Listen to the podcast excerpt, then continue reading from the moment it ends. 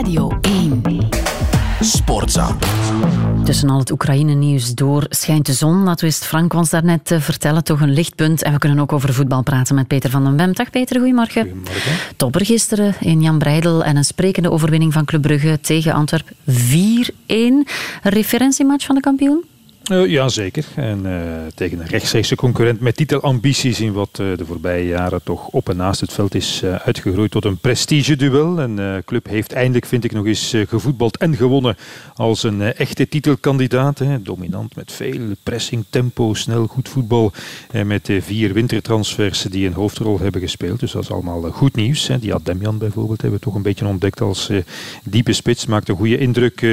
die jongens op de flanken met Skof Olsen, Gaven het spel van Club Brugge, vond ik, ja, diepgang, wat versnellingen, acties enzovoort. Maar de meest opvallende was toch Dennis O'Doy daarin zijn, ja, voor hem toch ook nieuwe rol dan, denken we, als verdedigende middenvelder. Een revelatie. Hè. Die heeft in zijn jaren in Engeland in de Premier League en, en de tweede klasse geweldige evolutie doorgemaakt. Hij is nog altijd dat Duracell-konijn, als ik dat met respect zo mag zeggen. Energiek, maar ja, ook voetballend onder druk. Heel erg rustig en heel erg sterk. En dat moet natuurlijk allemaal nog wel bevestigd worden. Woensdag bekerwedstrijd tegen Agent zal een beetje moeilijker zijn, denk ik dan maar. Maar als Club Brugge, en niet vergeten, zonder zijn beste speler, of toch zijn grootste talent, de ketelaar, ja, dit niveau kan halen en vooral kan uh, houden, dan zal het er straks toch weer niet al te ver af zijn, denk ik, in mei.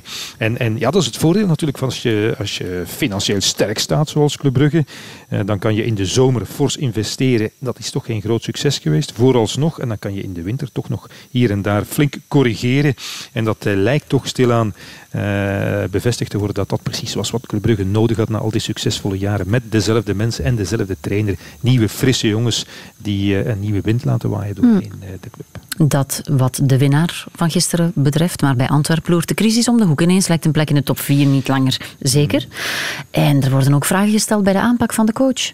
Ja, het is toch vooral verontrustend, vind ik, dat Antwerpen na eerder al van Union, nu ook kansloos, zo moet je toch zeggen, verloren heeft van een andere concurrent uit de top 4, Club Brugge. En uh, ik vind niet noodzakelijk dat het zomaar terug te brengen is tot een kwestie van mentaliteit of gebrek aan scherpte. Dat lees ik dan wel overal. Ik vond dat Antwerpen, net als Club Brugge overigens, wel agressief aan die wedstrijd begon. Maar er was een pijnlijk gebrek aan, aan kwaliteit aan de bal. Anders dan Brugge had Antwerpen grote problemen aan de bal met dat uitvoetballen. Ook bij de voortzetting veel balverlies en slordigheden, geen ideeën, weinig tempo. Dus ja, over de hele wedstrijd nauwelijks een kans. Eh, met spelers eh, die gehaald zijn om de ploeg te dragen, die ronduit zwak presteren. En dan kijkt iedereen toch, hoe je het ook draait of keert, naar de vedette van de ploeg. Dat is Rajan Nainggolan. En ik vind dat hij te vaak dit seizoen eh, beneden de verwachting heeft gepresteerd. Dat heeft ook met fysieke mankementen te maken.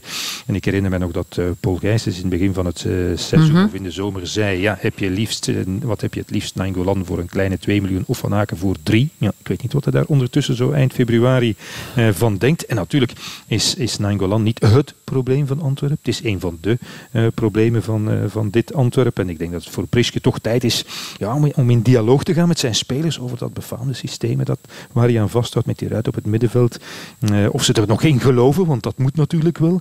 En hij moet ook, ook spelers zoals Samatta, daar denk ik dan ook aan. Ja, die, die rendeert ook niet. Hij moet die beter laten renderen, presteert. Dat is wat we hem verwacht wordt, constanter laten presteren. Want we hebben al gezien hoe goed Antwerpen kan voetballen, hoe dominant en veel kansen afdwingen. Maar met deze kwaliteit is dat te weinig en te, te onregelmatig. En mm. kijk nu, zondag de derby, daarna Anderlecht. Veel tijd is er niet. En nu je het over Anderlecht hebt, nog niet zeker van play-off 1. 0-0 in Leuven en een rode kaart voor Compagnie. Wat moeten we daarvan denken? Ja, dat er heel veel druk op zit bij Anderlecht en dat zelfs de immerkoele compagnie daar toch last van heeft. Hè. En, uh, en die tweede gele kaart en, en, een paar seconden na de eerste was misschien een beetje snel gegeven door scheidsrechter Lambrechts. Maar goed, ze was ook niet onterecht. Hè. Als je zo theatraal staat te brullen in het gezicht van de scheidsrechter, ja, dan kan dat gebeuren. En natuurlijk, compagnie had gelijk met zijn protest, hè, want de ref had een fout op Raman eh, net daarvoor niet gefloten. Direct gevolg ervan was voorzetting van de actie uitsluiting van zijn rechtsback eh, Murillo. Maar ja, de, de agressieve reactie van Company was wel opvallend. Ja, ik zou zeggen, zo kennen we hem toch eigenlijk niet. Hè? En ik denk, denk niet dat hij zo heeft staan roepen in het gezicht van Kouame. En die zijn twee missers waren veel groter dan die van de scheidsrechter. En die hebben Anderlecht toch twee kostbare punten gekost. Maar goed, eh, ja, de evolutie langs de lijn van de trainer is toch wel een beetje opmerkelijk, vind ik. Hij is, eh, daar is iedereen het erover eens, in zeer positieve zin geëvolueerd als trainer. Hè. Flexibeler, eh, zijn voetbal, of het voetbal van zijn elftal is geëvolueerd. Maar ja, dus ook wat betreft zijn houding langs de lijn, zijn discours. De voorbije weken hebben we dat al een paar keer vastgesteld over de Uh, hij ergert zich mm. ook aan de refs. Het is ook een gewone, tussen aanhalingstekens, trainer geworden die beslissingen hekelt. En dat deed hij in zijn eerste maanden nooit. En ik zou zeggen, ja, dat is maar een beetje menselijk en een gevolg van, van de druk en de stress. Want uh, laat het duidelijk zijn, Anderlecht moet de top 4 halen, moet Europees voetbal halen en moet zich donderdag verplicht ten koste van Eupen plaatsen voor de bekerfinale. Dat is nu eenmaal trainer zijn van Anderlecht. Dat is zo. En de ploeg die Antwerpen en Anderlecht kon bedreigen is AA Gent. Gisteren gewonnen bij Standaard, waar het echt heel slecht gaat na een vreemde wedstrijd blijkbaar. Ja, ik moet zeggen, op een bepaald moment dacht ik dat Ralf Inbar nog uit zijn graf tevoorschijn ging komen. Dat, oh, dat is lang geleden. Gefopt Banana werd voor Banana Split, ja. inderdaad, een soort verborgen camera-act. Eh, maar goed, hij is al lang overleden, dus dat kon sowieso al niet. Eh. en hij bleek uiteindelijk, toch, bleek uiteindelijk toch niet om te lachen te zijn. En de afgekeurde goals, twee stuks, waren overigens terecht, denk ik. Maar goed, die rode kaart voor Varis Ojidja, ja, daar moeten we toch dringend vanaf. Van dat soort situaties kan ik niet begrijpen. En dat een, een speler een bal met de arm van de lijn kan meegraaien en geen penalty tegenkrijgen. Ja, dat is toch ook anders, iets anders dan steunarm en zo verder. Denk ik, daar zal straks misschien wel een uitleg voor mhm. zijn. Maar als voetballiefhebber vinden we dat niet normaal. Maar wel chapeau voor de manier waarop Agent tegen al die tegenslagen heeft gevochten en gewonnen.